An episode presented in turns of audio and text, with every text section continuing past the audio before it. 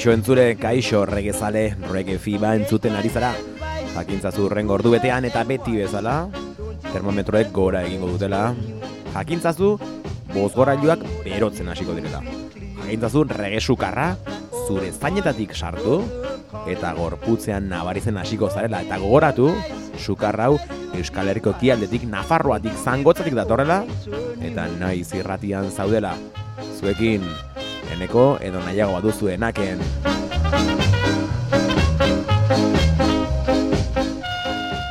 Gaurkoan musika asko entzungo dugu, normalean baina besti gehiago sartu zaizkigu. Motzagoak izango dira aste hontakoak. Gaurkoan Ska Beat Records zigiluari buruz jardungo dugu.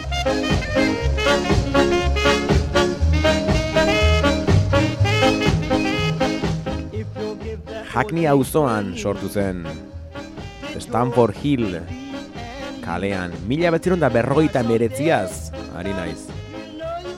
Eta urte hortan Rita eta Beni Aizenek R eta B bi hartuta RB diskoak deitu zioten denda bat ireki zuten esan bezala Londreseko Hackney auzoan.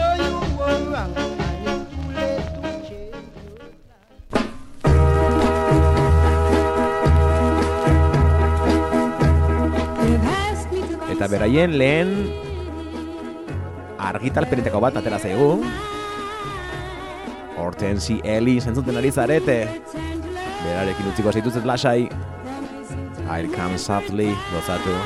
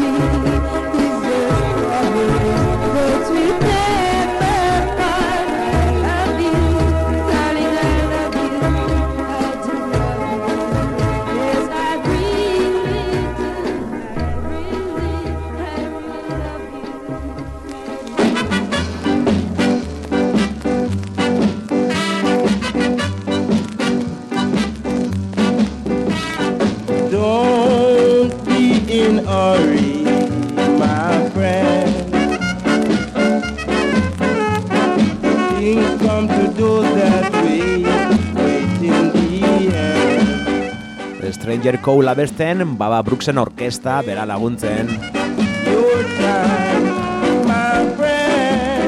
Beno, Hackneyen ginen, Londresen ginen, mila behatzireun da berroita emeretzi garren urtea zen.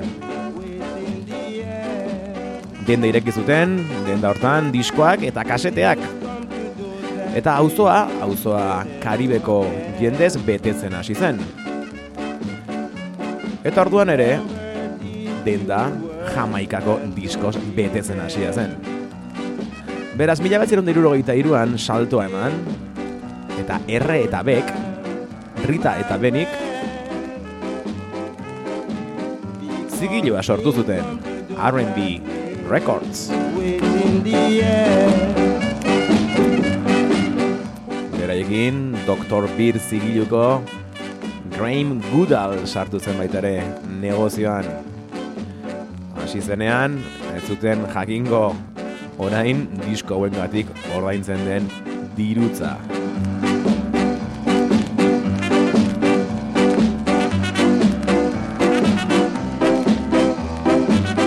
Beraien lehen alea, lehen argitalpena lehen esan dugun bezala, Hortensi Ellisen Come Softly izan zen justo lehen entzun dago duguna. Eta esan behar dago materiala Dick Raiden Treasure Isle estudiotik eta Coxonen Studio One zigilutik lortzen zutela. Rita Jamaikara joaten zen bidaiatzera eta handikan ekartzen zituen masterrak.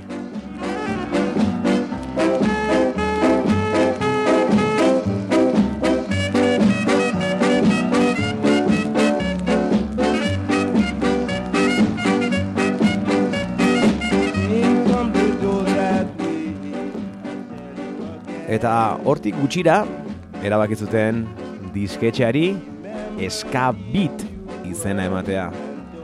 Eta Skat Beat horren lehenengo argitalpena orain entzuten ari garena da. Hobeto esan da, orain entzungo dugun Baba Brooks orkestaren Watermelon Man Ska. Ska Beat zigiluaren lehen alea.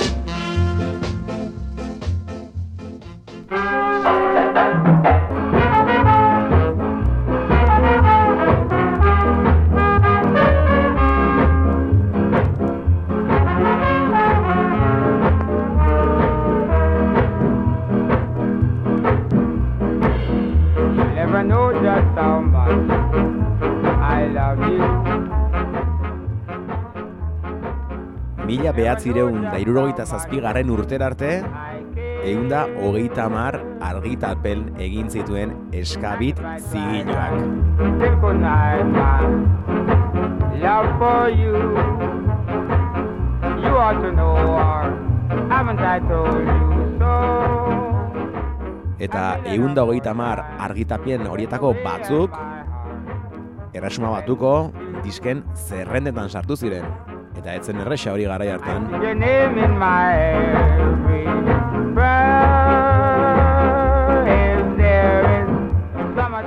Urren urtean, irurogeita bostean, atzean entzuten ari zareten lortaramok,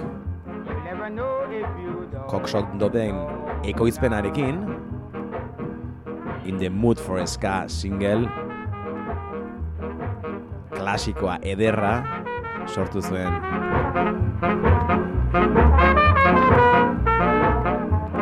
Eskabitzigiluan argitaratua izan zen In the Mood for Ska. Joseph Gordonen, Kingstonen jaiotako Mento, Calypso, Ska, abeslaria Coxonekin, Vanityrekin, Kineudersekin, Pottingerrekin grabatu zuena. You went away and my heart went with you. Speak your name in my every prayer. If there is some other way to prove that I love you, I swear I don't know how. You'll never know if you don't know now.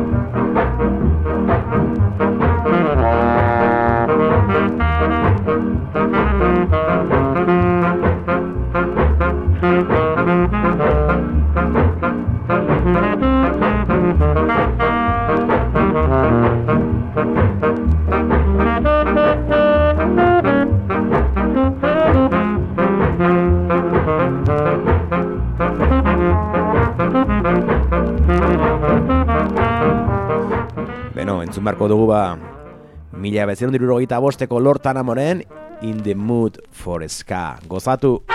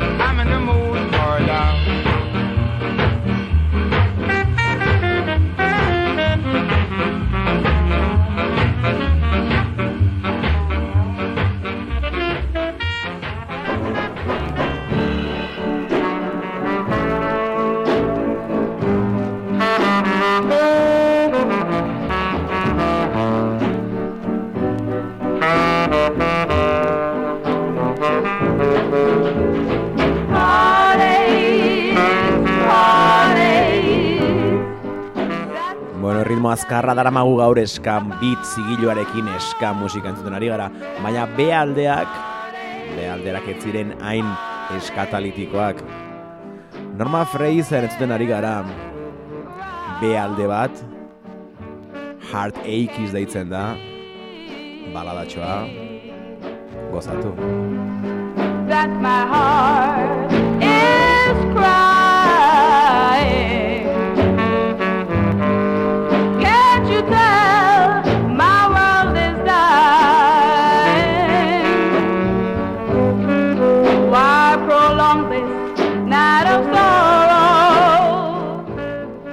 garen Heart Aches hau, mila behatzireun deirurogeita bostean argitaratu zuen Norma Fraserrek eska beat zigiluan.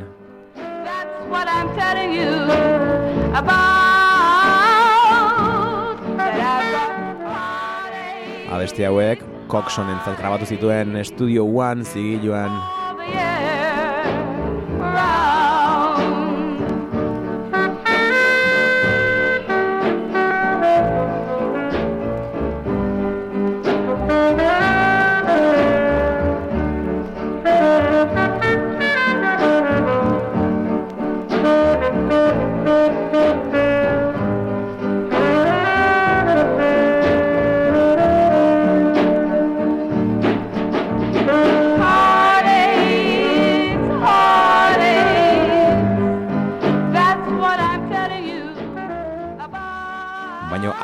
Da osorik entzutera goazena.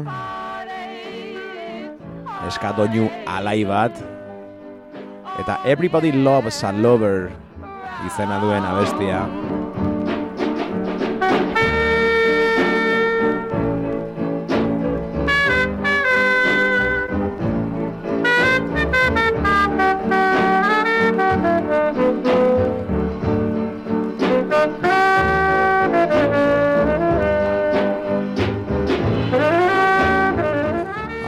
abestiak Heartache hau bihotzeko minak orain jende guztiak maitale bat duela dio Norma Fraserrek.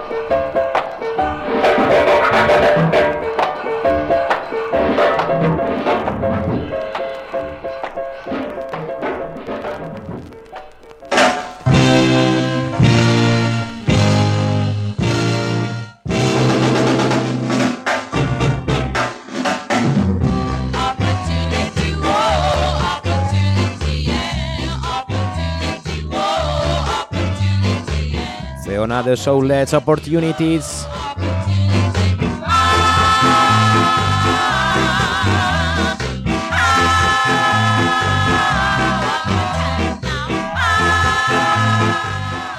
Eskabiten katalogoa aztertzen hasten baldin zara, ia denak agertzen dira. Alton Elisetik hasi, Baba Brooks, Clarendonians, Dandy, Derek Morgan, Don Drummond, Dorin eta Jackie, Lord Lightken, Jackie Opel, Justin Hintz and the Dominoes, Lee Perry, Roland Alfonso, The Caribbeats, The Mitals, The Scatalites, The Soulets, atzekoak, The Wailers, Trevor Wilson, The Mighty Vikings, Winston Samuels.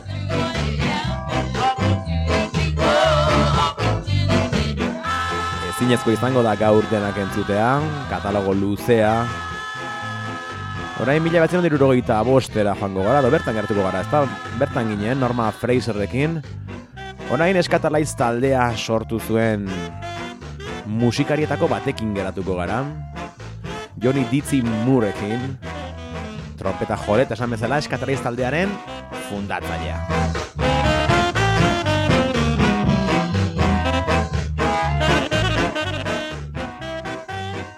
Johnny Dizzy Mooren abestiak partekatu zuen alde bat atzean ez duen ari garen sauletzen opportunity honekin B aldea bezala gertu zen sauletzen atzeko hau.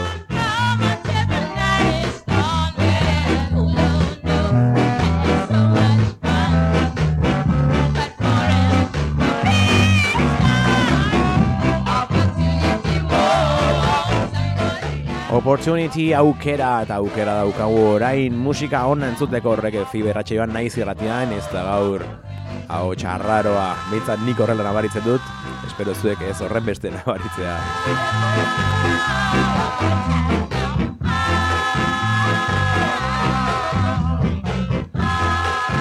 Guazen ba, Johnny Dizzy Mooren Sudden Destruction entzutera. Osatu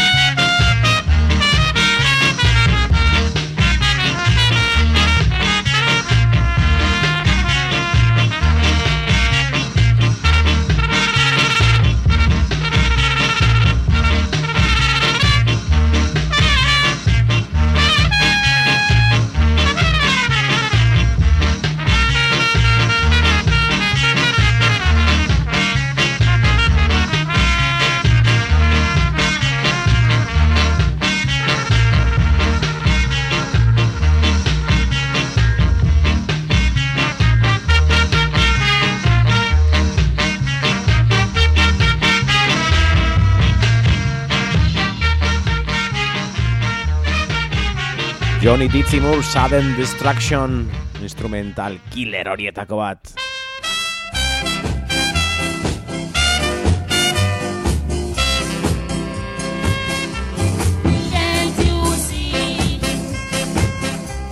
Zeona Can't You See ezagutzen duzuen Delroy Wilson Delroy Wilson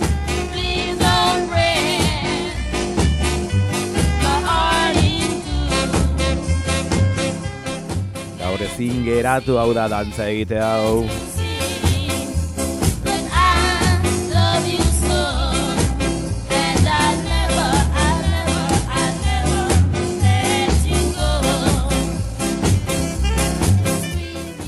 Eskabitzigiluarekin ginen gaude Eta Eskabitzigiluak ez zituen soilik.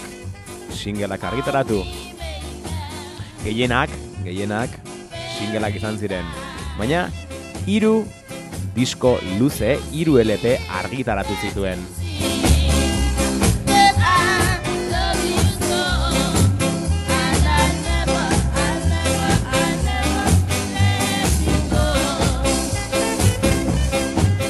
Eta lehenengoa, entzuten ari garen hau Delroy Wilsonen I Shall Not Remove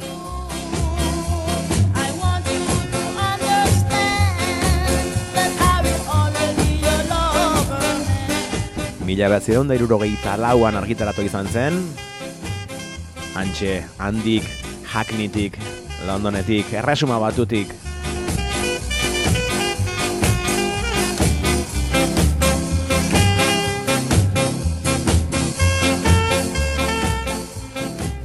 Diskorren ber argitaralpenak egin dira. Azkeneko urte eta mintzat estudio honek hartu eta berriro argitaratu du esan bezala. Eskabiten zigiluko I Shall Not Remove del Roy Wilson?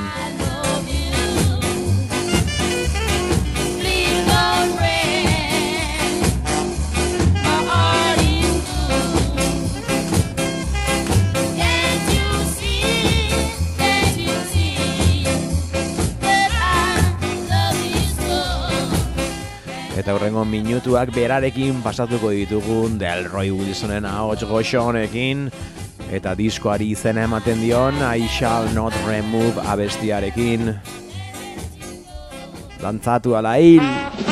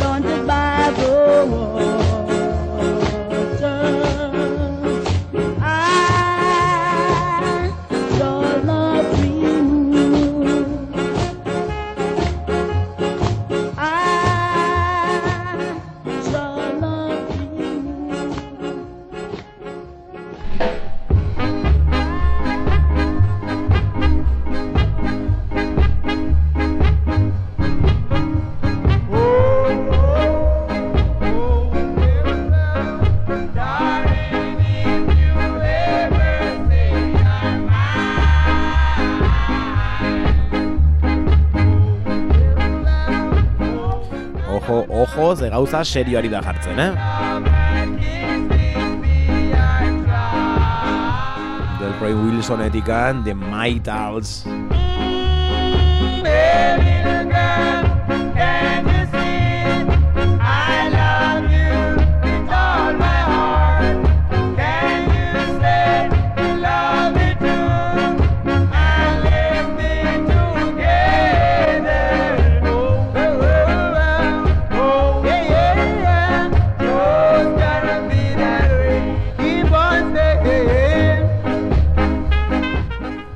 Esan dugu, hiru LP bakarrik ateratzi dituztela. Lehenengoa Delroy Wilsonena biganena, bigarrena The Mitals and Never Grow Old famatua.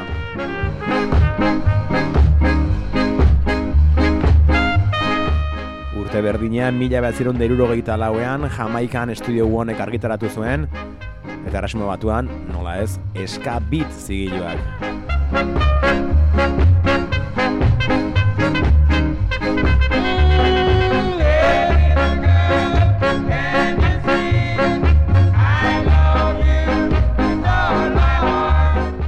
Tartean, eta hau behintzat B aldea irekitzen zegoen Just Got To Be.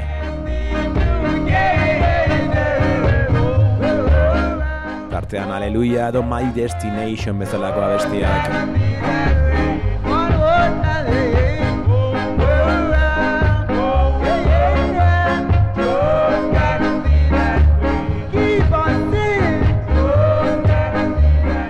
Guazen diskoari izena ematen dion abesti entzutera, guazen I'll Never Grow Old abesti entzutera. Aski ezaguna, gozatu, dantzatu.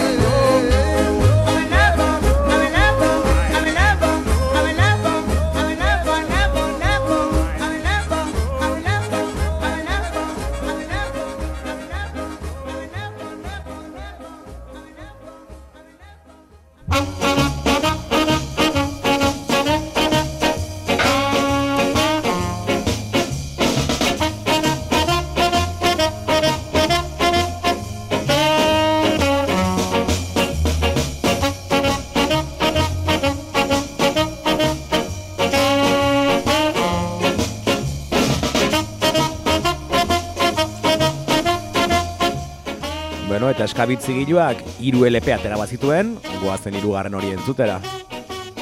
Hirugarren hau ezen artista jakin bati eskenia. Bilduma bat zen azkeneko hau, hirugarren hau. Jump Jamaica Way izena jarri zioten, eta esan bezala, bilduma dugu.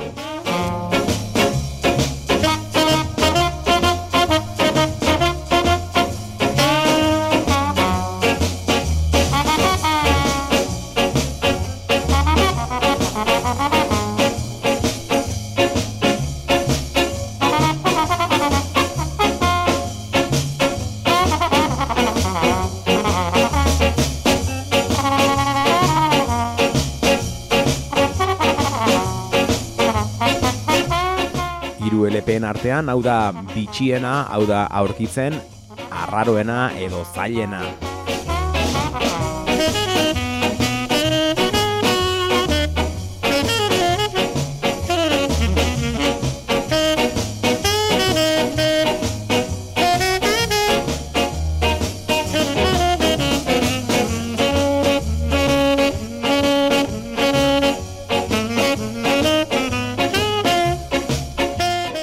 Aurkitzen zailena esan dut, baina zaila baino garesti esango dugu.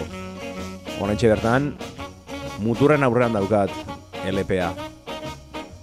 Mila eun eta irurogei eurotan saltzen dute. Joan daitezela, popatik hartzera. Guk diskoaz gozatzen jarraituko dugu, originala ez dugu izango. Baina dan, dun, Don Dramon entzuten ari gara. Looking Through the Window da atzeko hau, diskortan agertzen dena, eta diskortan baita ere, Don Dramonen beste beste bat, Green Island deitzen dena. Gozatu!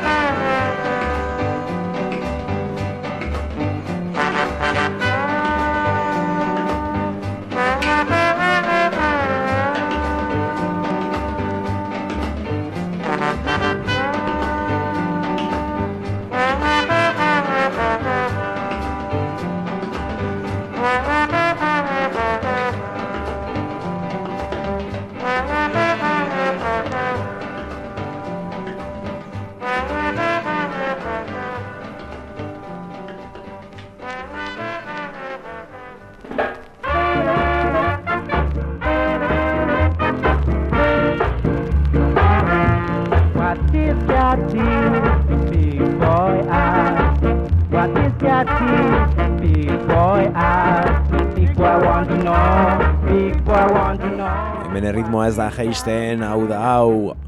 King Rocky, What is Katie? Eta orain dela gutxi esan dut, hirugarren LP hori entzungo genuela, edo hirugarren LP horrekin jardungo genuela mendi bukarara, baina ez. Jump Jamaica Way LP utzi eta singletara bueltatu gara.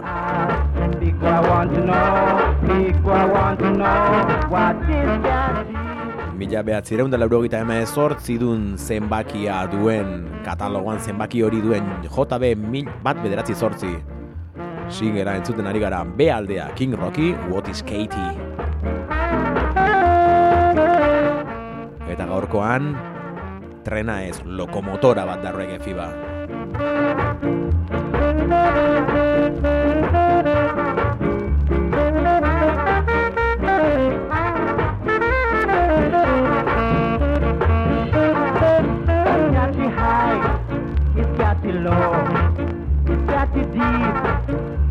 You wide, it's got you something that I can write. What is got the big boy ask? What is got the big boy ask?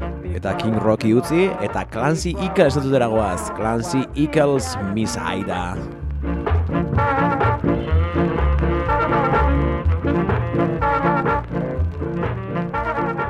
Hemen Miss Aida.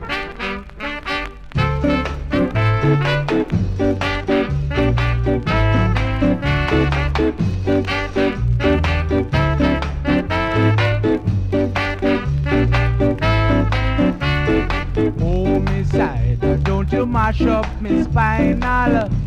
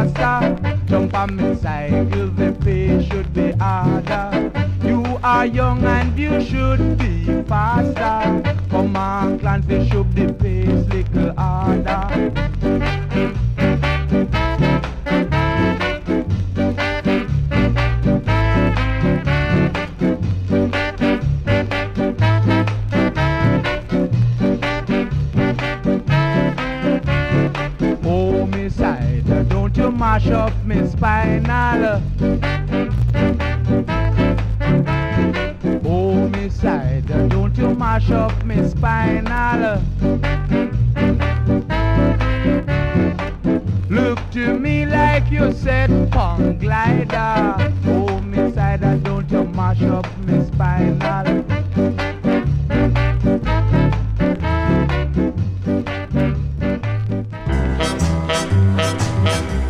You can't stop me from loving you. Beno eta sartu gara, azken txampan. Eta azken txampan sartzeko, dakit gora goigo gaitezken. Laurel Lightken handia,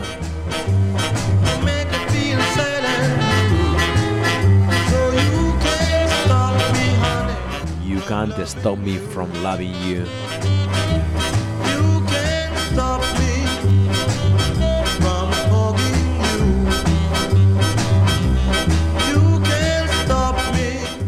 Eta bai, hau baita ere Eskabit Records zigiluaren beste singletako bat.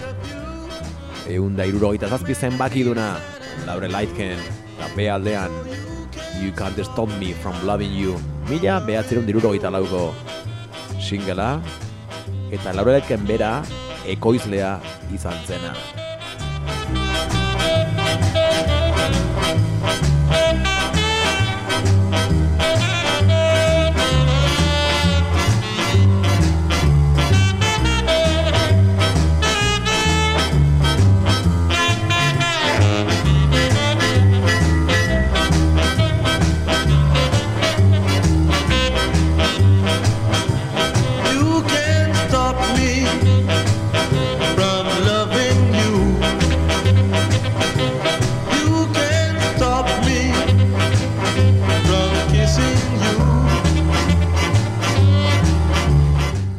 Laurel Aitkenekin jarraituko dugu. Aldea entzutera goaz Yes Indeed. Horrelaxe deitzen da alde hori Yes Indeed bai horixe.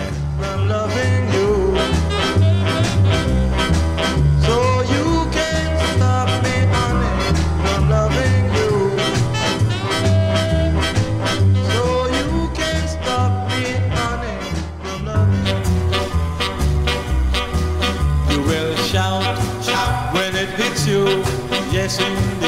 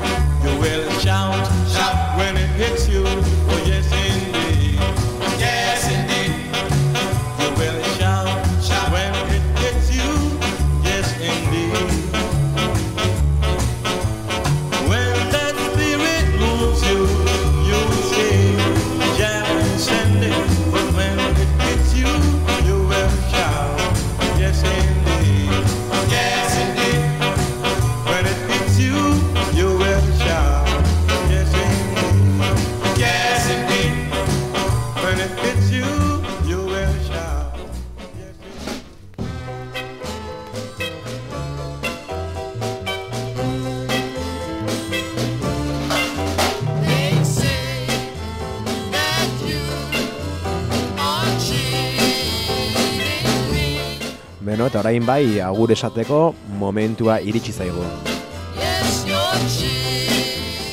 Joan horretikan, komentatu urrengo astekoa izango dela urteko azken saioa.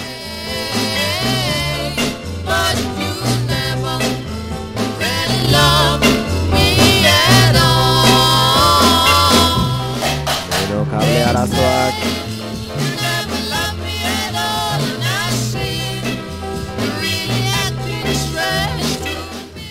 dakigu ongi entzun den, berriro esango dugu, urrengo astekoa izango dela urteko, azkenengo urteko, azken Reggae Fiba.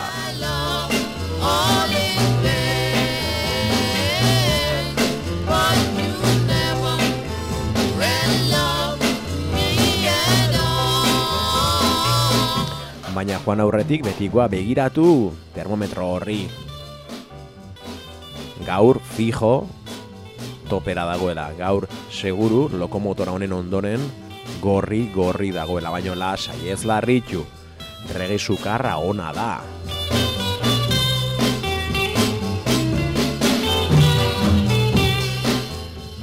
Eta joateko handi eta Joe aukeratu ditugu. Entzuten ari garen hau, You Will Never deitzen da.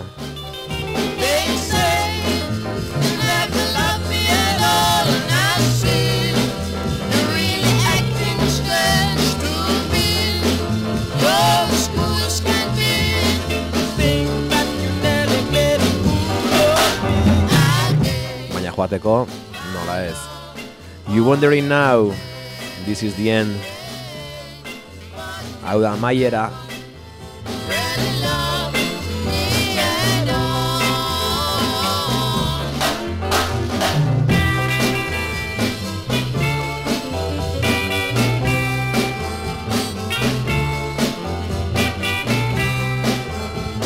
orain bai, urrengo asterarte.